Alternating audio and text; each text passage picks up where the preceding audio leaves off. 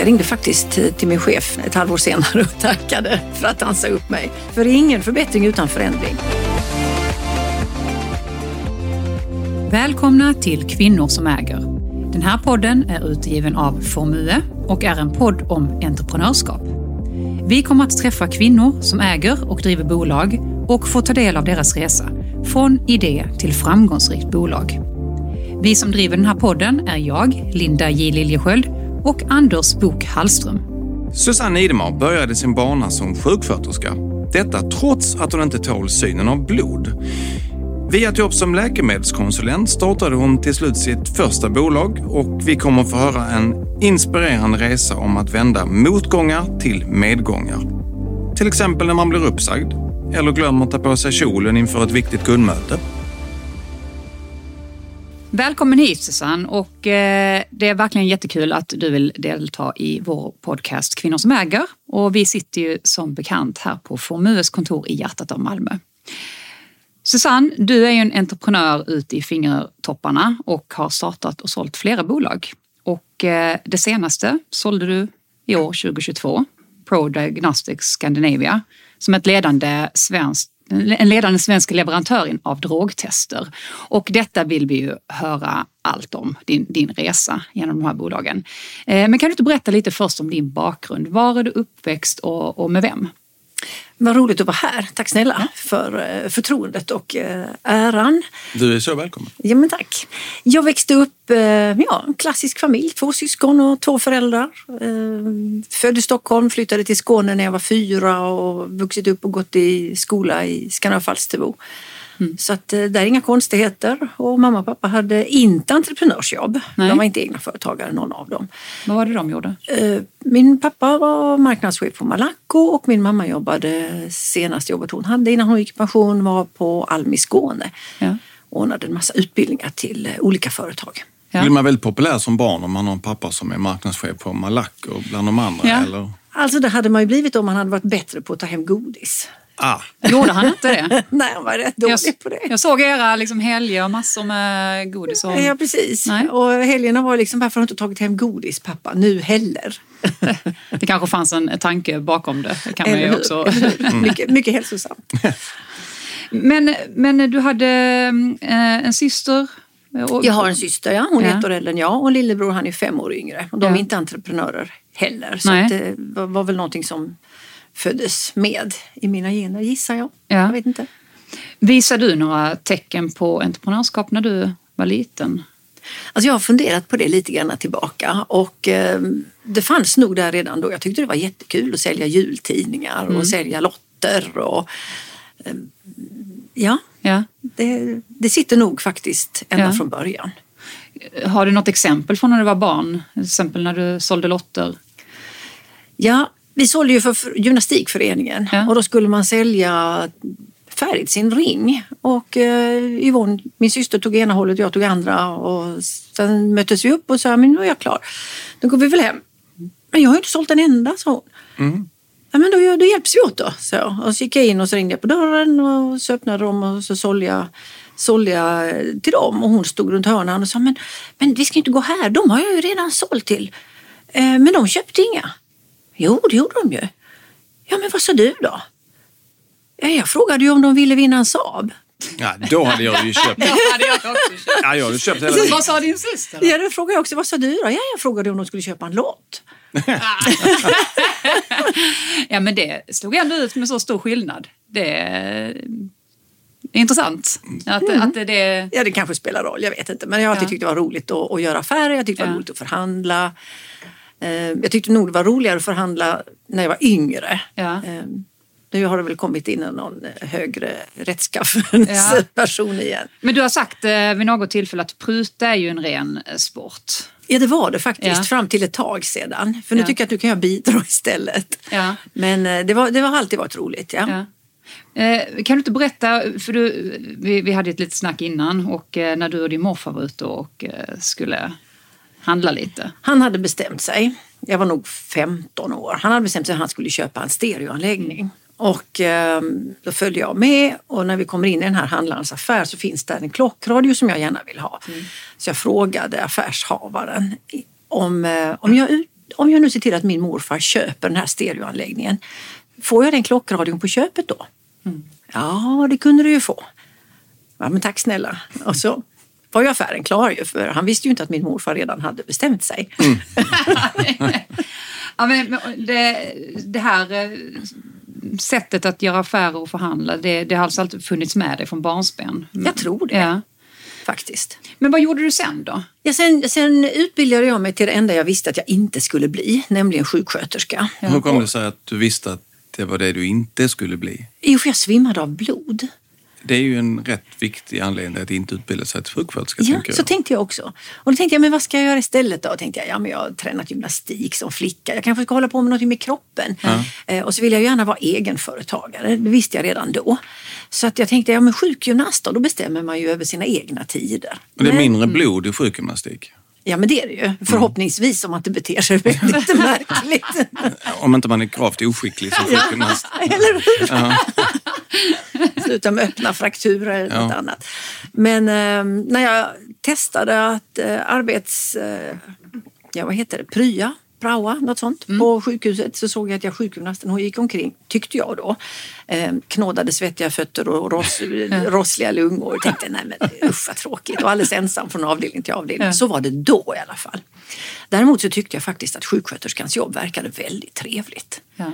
Och så blev Varför det? det? Vad, vad, var det som gjorde att du... Ja, dels var hon i ett lag, ett team och eh, dels hade hon en mycket större scope. Eh, tyckte jag det verkade mm. som. Där hon eh, allt från eh, tog blodprover till delade mediciner och pratade med patienter.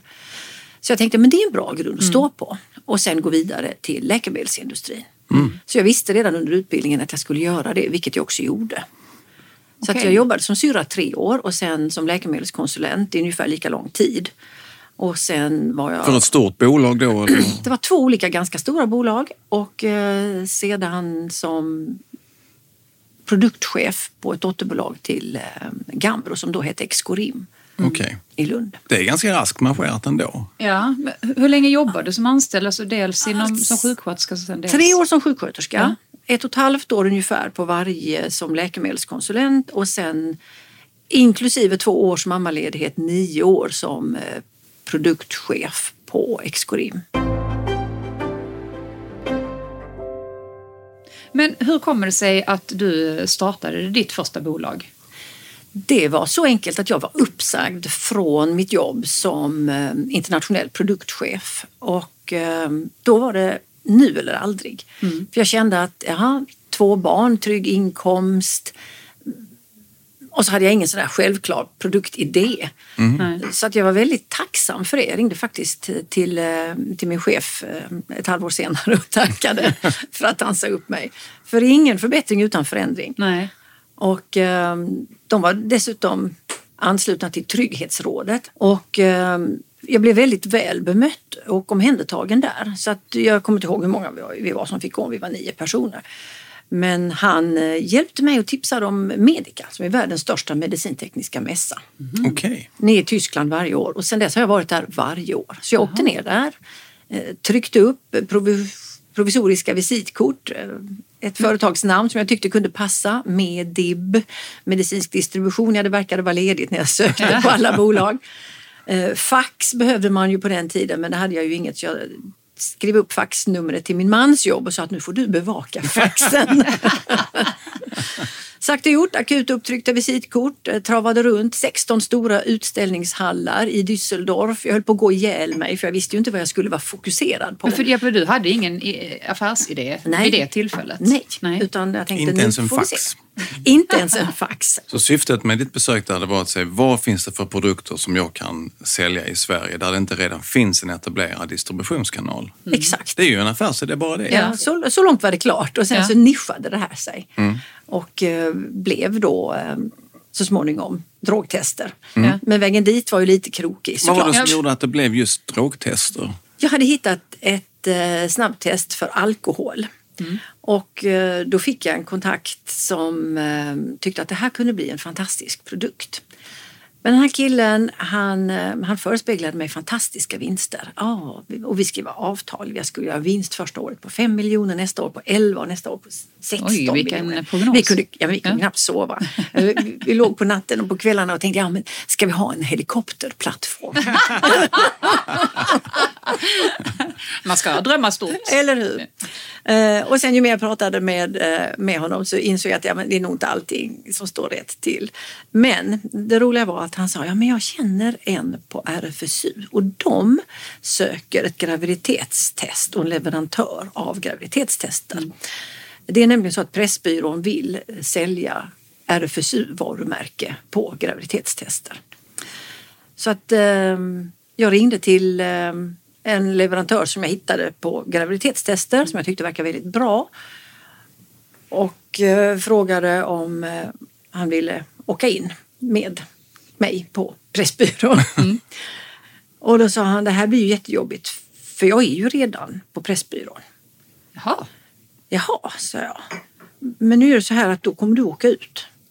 Och då får du välja om du vill åka ut och vara ute eller du vill åka ut och åka in igen med mig. Okej, Mm. tufft. För han var val. den som var leverantör redan till Av den andra leverantören till graviditetstester som Okej. såldes på Pressbyrån. Ja. Och ehm, ja, då, då, då hamnade ju han i lite lojalitetskläm. Men eftersom han hade valet att åka ut och stanna ut eller åka ut och åka in eh, såklart att då var det lättare att göra det. Känns som ett ganska logiskt val egentligen. Så här. Ja, lite. Men ehm, Men hur hade du fått till det? Att eh, han skulle åka ut och du skulle in? jo, det hade jag fått veta att Pressbyrån sökte ett känt varumärke. Så det var och då ville RFSU? de ha typ RFSU, Ja. någonting Okej. som alla kände till. Och RFSU vill gärna expandera sitt varumärke då Ja. lite granna till. Men, och vad hände sen då? Ja, sen var jag ju leverantör till RFSU under eh, några års tid. Ja. Och sen hade jag ju en kund och vi sålde ju även eh, graviditetstester, ägglossningstester och klimakterietester. Ja. Och jag insåg att mm, en kund är ju lite tunt. Så vi tittade på andra tester från eh, det här samma tillverkningsnisch. Och då hade ju de även drogtester. Så jag tog de här till eh, narkotikapolisen i Sverige och frågade vad tycker ni om de här? Ja, det tyckte de såg spännande ut. Så att, eh, på så vis började vi testa lite och sen ställde jag ut med Narkotikapolisföreningen. Vad hade de innan du kom då? De har en annan typ av enklare tester. Okej. Och eh, mina tester gjorde det möjligt att spåra många fler droger på samma gång. Och då ställde jag ut tillsammans med Narkotikapolisföreningen i eh, Köpenhamn och då kommer en känd överläkare från Salgrenska fram och frågade men varför säljer du inte de här på akutsjukvården? Ja, så jag, det var en bra fråga. Varför inte? Och varför behöver man dem på akut? Är det när folk kommer in och man måste ta reda på vad är det de har tagit? Eller? Precis, för Ja. om de kommer in avsvimmade eller väldigt borta Ja. så är det bra att veta beroende på vilken drog de har vad Ja. du ska sätta in. Om du kan sätta in Absolut. ett antidot, alltså en motdrog. Ja. På det viset och sen tog det fart och sen blev vi Sveriges tredje största företag inom drogtester. Främst inriktat på akutsjukvård eller även på andra områden? Även andra områden, men akutsjukvården blev början på att vi sålde dem på, till urinprovstagning. Och inte pulverpiller som vi först hade nischat in oss på via polisen. Men, men eh, ungefär när grundade du detta bolaget? Var är vi i tiden? 96. 96. För sen eh, sålde du det. 2003 eller 5 där någonstans sålde jag det till ett engelskt PLC. Ja. Jag blev kontaktad av en eh, mäklare som sökte plattform för deras tester och deras vägnar då i Skandinavien. Ja. Och det var roligt för jag hade gått där och tänkt att ja, men det är faktiskt dags att, att, att sälja mitt bolag. Jag, Varför gick det i de tankarna? Därför att jag hade kommit till förvaltningsfasen. Okej. Och det är inte min grej. Jag älskar att utveckla, att, att förändra, att förbättra, att skapa, att gå mot någonting. Och när jag kände att ja, men, nu var ju det här året likadant som förra. Vad var det som gjorde att du kände att du inte kunde utveckla det vidare? Var det brist på resurser eller var det marknaden var mättad eller vad var det? Alltså jag trodde att jag ville vara fri och känna att ja, men nu har jag gjort det här. Och mitt mål som jag alltid har tänkt på att jag ska jobba upp ett företag och sen ska jag vara fri.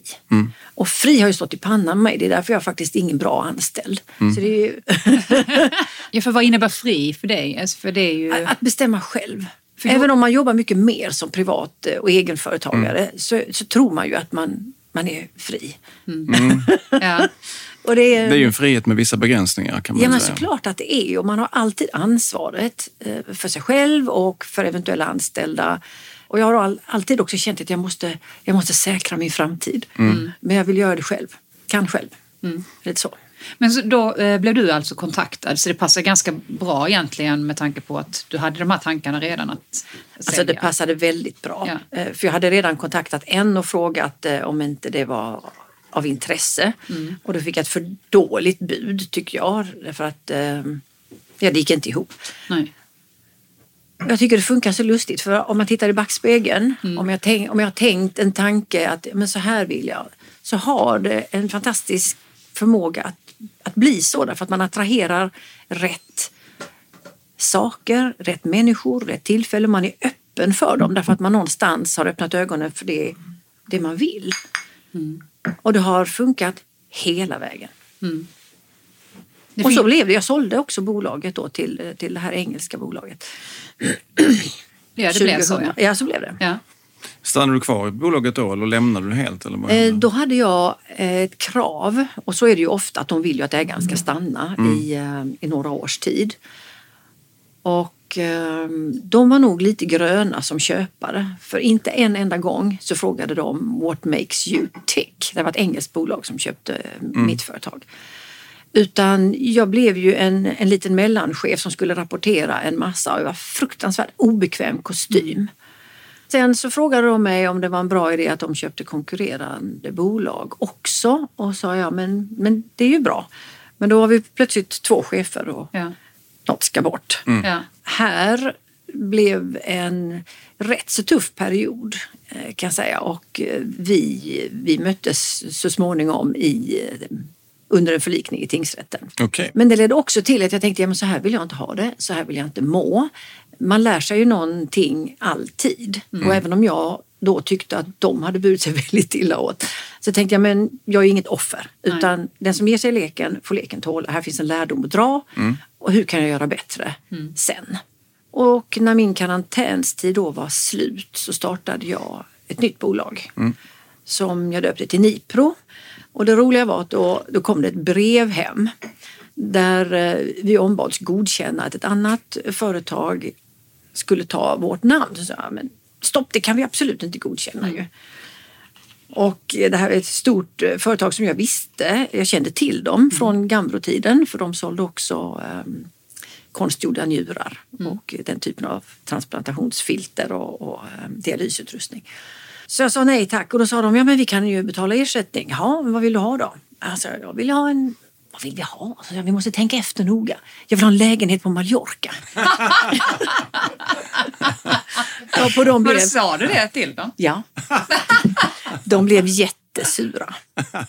Uh, och uh, hotade med att de skulle se till att uh, avregistrera mitt bolag. Så sa jag, okej, okay, lycka till men här, de erbjöd sig att betala 25 000 så, men det är ju mm. tramspengar för det är ju vad det kostar att starta ett nytt varumärke. Ja. Liksom. Mm.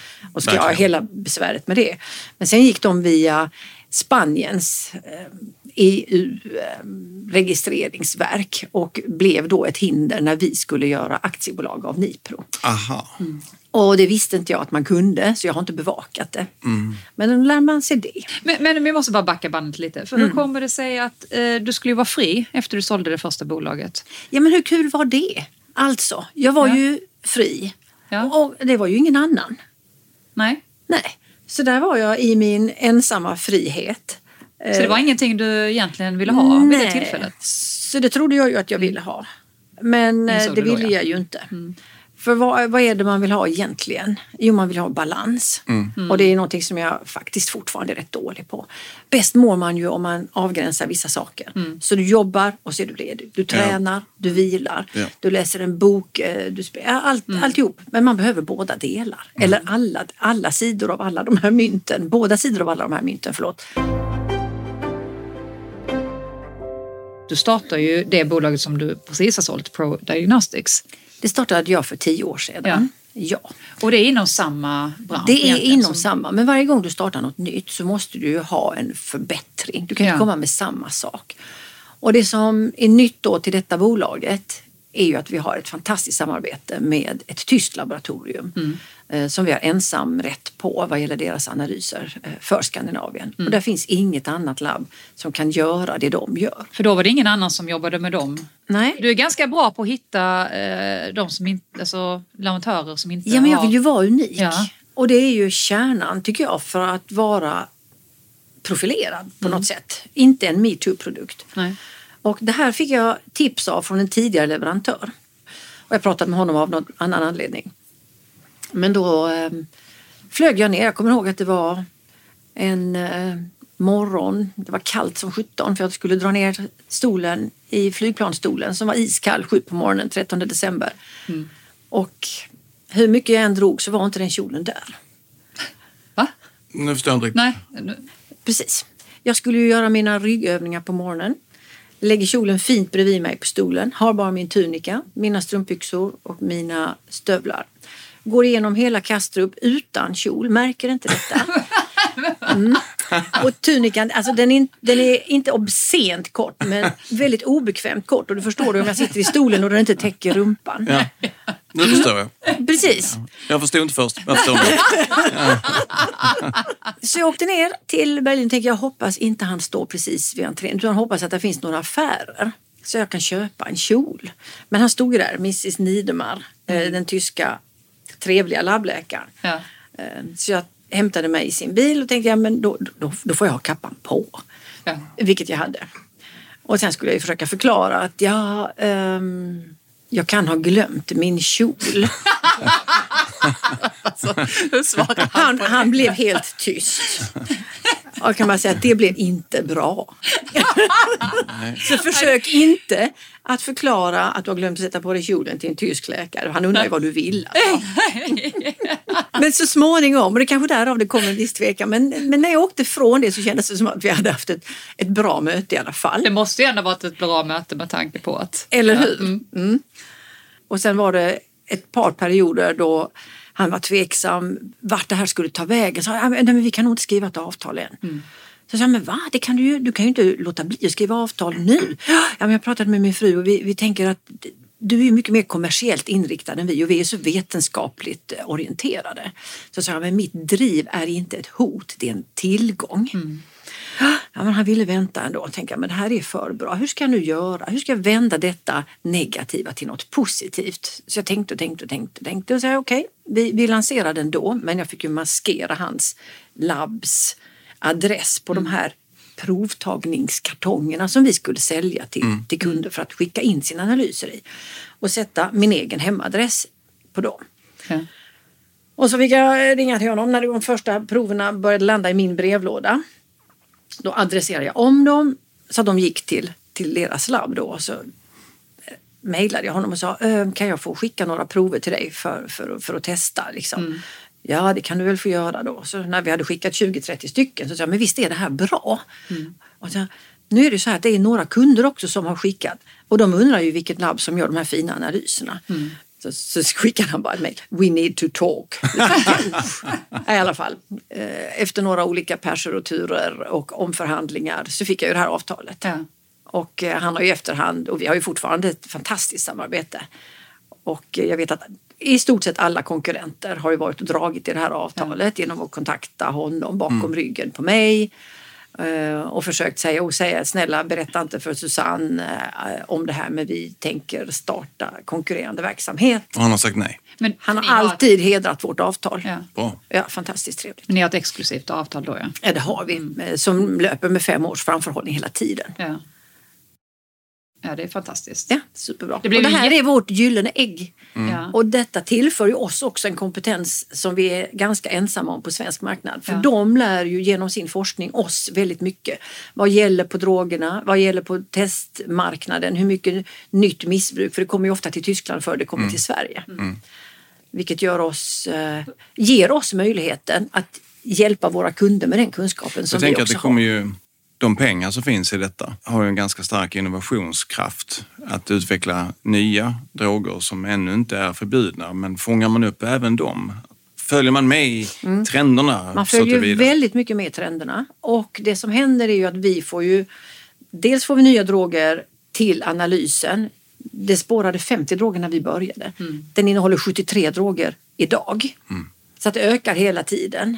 Plus att vi kommer ju med droger som vi får i Skandinavien. Vi är väldigt amfetamintunga i Skandinavien. Och alltid Jaha. varit. Mm. Men då till exempel så läser vi i Svenska Narkotikapolisföreningens tidskrift om larmsignaler om nya kristaller, 3CMC, 4-MEC. Mm. Ja, då hör vi av oss till labbet och så lägger de till dem. Okay. Ja, det är... Så det är superbra. Smart. Vilket gör att vi är väldigt på tå. Men marknaden är i Skandinavien? Ja. Du har aldrig liksom tittat ut och expandera ut i världen? Det kommer nu ja. eftersom jag i och med att jag sålde bolaget sista maj till fantastiska Indutrade, mm. ett svenskt bolag med en massa andra bolag i paraplyorganisationen. Där finns ju då distributionsmöjligheter så vi kommer att titta på det. Och du kommer att vara kvar och jobba, är tanken? Jag är kvar eh, en tid i alla fall och här har jag ju inget sånt här krav på mig vilket ju är jätteskönt. Ingen sån här golden handcuff? Som... Nej, nej, nej, nej, nej. Och det är, känns rätt skönt va? Det känns fantastiskt mm. vilket gör att det är mycket lättare och mycket roligare. Mm. Har de mm. frågat what makes you tick? Verkligen, mm. flera gånger. Och, och det har varit i processen också hela tiden med. Så att det är en helt annan situation. Men hur gjorde du med finansiering när du startade ditt första bolag? Hur, hur jag har aldrig haft lån utan jag har kört det med egna pengar och ja. expanderat försiktigt. Ja. Så att jag har tjänat pengarna först och, och, och anställt sen. Ja. Det har ju i och för sig medfört en viss tröghet i organisationen. Jag vet inte om jag skulle rekommendera det för en snabb tillväxt. Det är klart att det är tryggt att inte ha lån. Mm. Och det är väl det jag har siktat in mig på eftersom jag alltid tänker att man vet inte hur det går. Mm, så är det. Och så har det varit än till denna dag. Mm. Tänker vi, vi lever ju i en speciell marknad just nu och det finns många bolag där ute som eh, ja, eh, behöver växa. Och det är svårt att kanske få externt kapital. Har du något tips till dem hur, hur de kan tänka i sådana tider om de vill växa organiskt? Mm, jag kan bara säga att jag, jag, skulle, jag har svårt att råda nyföretagare i den här geopolitiska krisen, hur man ska agera. Personligen hade jag varit väldigt försiktig. Jag hade inte tagit ett lån nu. Mm. Nu har jag ju dessutom inte gjort det innan heller, men jag hade framförallt inte gjort det när man inte vet vart räntorna ska ta vägen. Man vet inte vilket motstånd du får på alla möjliga håll och skulle mot förmodan inte bolaget gå mm. därför att man inte vet vart trenden är just nu så vill jag inte stå med ett lån dessutom. Nej. Så att jag har nog sett till att jag hade min försörjning på något sätt klar. Det som är intressant, eh, som du har pratat om, det är ju just det här att du ser någonting framför dig och sen så kom, befinner du dig på något sätt där sen. Du, du sätter mm. upp någon form av bild om vart du ska så kommer du dit. Kan inte du berätta lite mer om det? Ja, jag, jag har alltid jobbat med målbilder ja. och framförallt sen jag sålde mitt bolag och eh, vi fick enas eh, och förlikas i tingsrätten mm. så tyckte jag att ja, men, jag vill inte vara offer, jag vill inte må så här. Jag, jag vill styra lite mer. Och då läste jag en massa spännande böcker om eh, att nå sina mål, att sätta mål, eh, att ha balans. Eh, och det funkar. Är det någon speciell bok som du gärna vill Ja, den heter fram? Vägen till mästerskapet mm. och är skriven av Brian Tracy. Han är, jag tror han är 80 plus idag. Men när jag läste hans bok första gången vilket ju då är väldigt många år sedan, kanske 30 drygt år sedan. Okay. Mm, där någonstans. Så läste jag den med, med stort intresse, tycker jag den var spännande. Och hans bok börjar ju då med att han själv är parkbänksliggare och noterar skillnaden mellan sig själv i 30-årsåldern och en man som kör en Ferrari. Ja. Och tänker, hur kommer det sig egentligen att vi har det så olika? Och sen började han läsa och forska. Mm. Och ja, skapa sig en, en fantastisk framgångsresa mm. och, och dela med sig av detta. När jag sen läste om den boken cirka 10-15 år senare mm. så var jag helt imponerad för då hade jag ju så många andra eh, inputs ah, från ah, okay. det här. Mm. Och när jag läste den för andra gången alltså tänkte jag att wow vad han var föregångare. Vägen till mästerskapet. Mm. Japp, av Brian Tracy. Det finns många andra böcker också men den satte sig ju så hårt eftersom den var både mm. först och tung och, och praktiska tips. Så att, ja, Men så du kan ju vittna om att det här, det här funkar? Att sätta upp målbilder, det funkar? Det gör det. Ja. Och, och hjärnan jobbar ju mot eh, det du tänker på. Ja. Och därför så gäller det att tänka på bra saker. Ja. Det finns ett uttryck som heter Thoughts become things, so mm. choose the good ones. Mm. Det vill säga det du fokuserar på får du mer av. Mm. Samma sak mm. gäller om du går och oroar dig för någonting och du uppmålar hot och risker och, och vad du är rädd för. Ja, hela ditt universum, hela ditt egna universum fylls ju av detta. Mm. mm. Istället för att bestämma dig för vad vill jag ha. För det har du tänkt på ganska mycket också på. Va? Hur vill du må? Och eh, sätta upp det också som en form av målbild, att det är så jag vill må. Ja, mm. eller ja. Och jag har jobbat med målkort också. Alltså man skriver då i presensform. Mm. Jag är, jag har. Vad är nästa målbild då? Nu när du har eh, sålt bolaget? Och... Ja, och det här har jag också tänkt på såklart. Mm. Ända sedan så då. Och en av anledningarna, jag, jag har ju sålt bolaget av olika anledningar. Dels har jag fyllt 60 och jag tycker att det är roligt att vända blad. Jag tycker alltid det är roligt med förändring. Och jag tycker det är jättekul att jobba så jag vill ju gärna både ha kakan och äta den. Mm. Men jobba lite mindre kanske på sikt.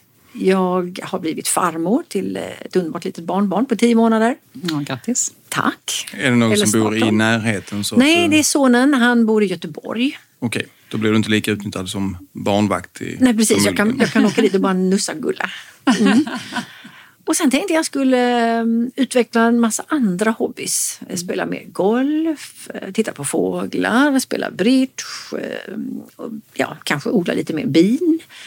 Odla mer bin? Ja, jo, jag har lite två små bikupor hemma mm. i trädgården. Men fågelskådning, eh, ursäkta mig, men jag, jag, får inte intrycket av att du har liksom riktigt att sitta stilla i ett fågeltorn och titta på fåglar. Nej, det kommer inte att bli heller. Nej, det undrar jag också. men jag har en kikare och jag kan gå ut i trädgården. Ja. Men det kanske är en utmaning i sig att ja. bara försöka göra någonting annat. Du är ju ganska mycket för utmaningar har vi förstått. Jag vill gärna ha ett mål med det jag mm. gör. Men jag kan också tycka att det är kul med yin och yang. Liksom. Mm. Gör jag mycket stressiga grejer så, så är det bra att göra en motpol till det. Mm. mm. Och det skulle ju kunna vara kanske att titta på fåglar ett litet tag. En förmiddag mm. mm. eller en timme. Så nu går så uh, hör man massor med tranor. Jag springer ut och kollar. Ja, nästan hundra tranor över. Ja, det är fascinerande. Men sen står man ju inte där mer än fem minuter, sen är ju de borta. Mm. Så att, ja, du har nog rätt. Och den här lägenheten på Mallorca, har, har den ja, varför inte? materialiserats? Eller är det... Nej, men min man vill väldigt gärna. Och en förutsättning att, att nyttja den är ju att man har lite mer tid. Mm. Så att eh, den ligger väl lite där och knackar Skuttar. oss. Ja, exakt. Mm. Knackar oss på ryggen. Susanne, vad skulle du säga till våra lyssnare? Tre konkreta tips till den som vill starta ett bolag. Se till att du räknar hem din affär. Fundera på vem är din köpare och mm. skaffa dig ett kundklientel som har råd att betala för det du ska sälja. Mm. Jobba inom någonting som du tycker är väldigt intressant och roligt. Och bestäm dig för att du ska lyckas. Mm. Ha inte hela tiden en bakdörr öppen och tänk att ja, det kanske inte går så jag ska, jag ska ta ett jobb för säkerhets skull om det inte går. Mm. Um, jag har haft vänner som har gjort det men då blir det aldrig någonting. För då säger man ju till universum och de här målbilderna att man kanske ska ta den anställningen. Det är lite som du var inne på Såklart, ja. såklart. och då, då, blir, då blir det, det inte. Mm. Då blir det inte. Mm. Utan, och jag, jag har sådana exempel i min närhet och, och jag sa till henne, men bestäm dig nu. Ge dig inte en mm. bakdörr. Ja, men tänk om. Ja, så, du kan inte tänka så. Nej. Nej, och jag hade i början ett advisory board och de sa till mig, men förstår du allvaret i det här? Du omsätter bara en miljon. Det var precis i början när jag hade startat ProDiagnostics. Och då var jag tvungen att vidta åtgärder och, och säga upp min säljare och, och sälja själv. Ja. Mm. Men eh, det var ju också en vändning. Mm. Men, men nej, jag förstod inte allvaret. Jag hade ju faktiskt jättefokus på att det här kommer ju såklart att bli bra. Ja. Så man behöver också ta in experthjälp och när jag har vuxit bit för bit så har jag ju insett att jag kan inte allting själv. Mm. Så att eh, mod skulle jag säga att man måste ha. Ja. Man måste ha motivation och driv. Man måste själv ha motorn alltså. Mm. Mod och motor är väl två bra. Motorn tycker jag låter som en väldigt bra motivation. Ja. Mm. Sen blir jag nyfiken på om du ofta pratar med universum, Linda, men vi kan ta det i en helt annan podd. det blir en annan podd, ja. Men man kan faktiskt göra så när man går och lägger sig. Att man tänker på 10 eller 20 saker beroende på hur bra det flyter som du är tacksam för. Ja, det har jag provat. Det är väldigt bra. På dagen. Eller hur? För det ja. finns ju tusen saker. Det kan vara så enkel sak som att det inte regnade när jag gick över torget. Eller mm.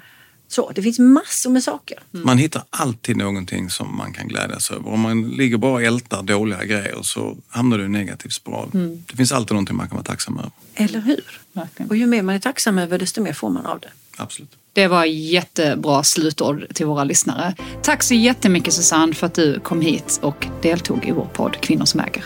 Tack snälla för att ni orkar lyssna på mig.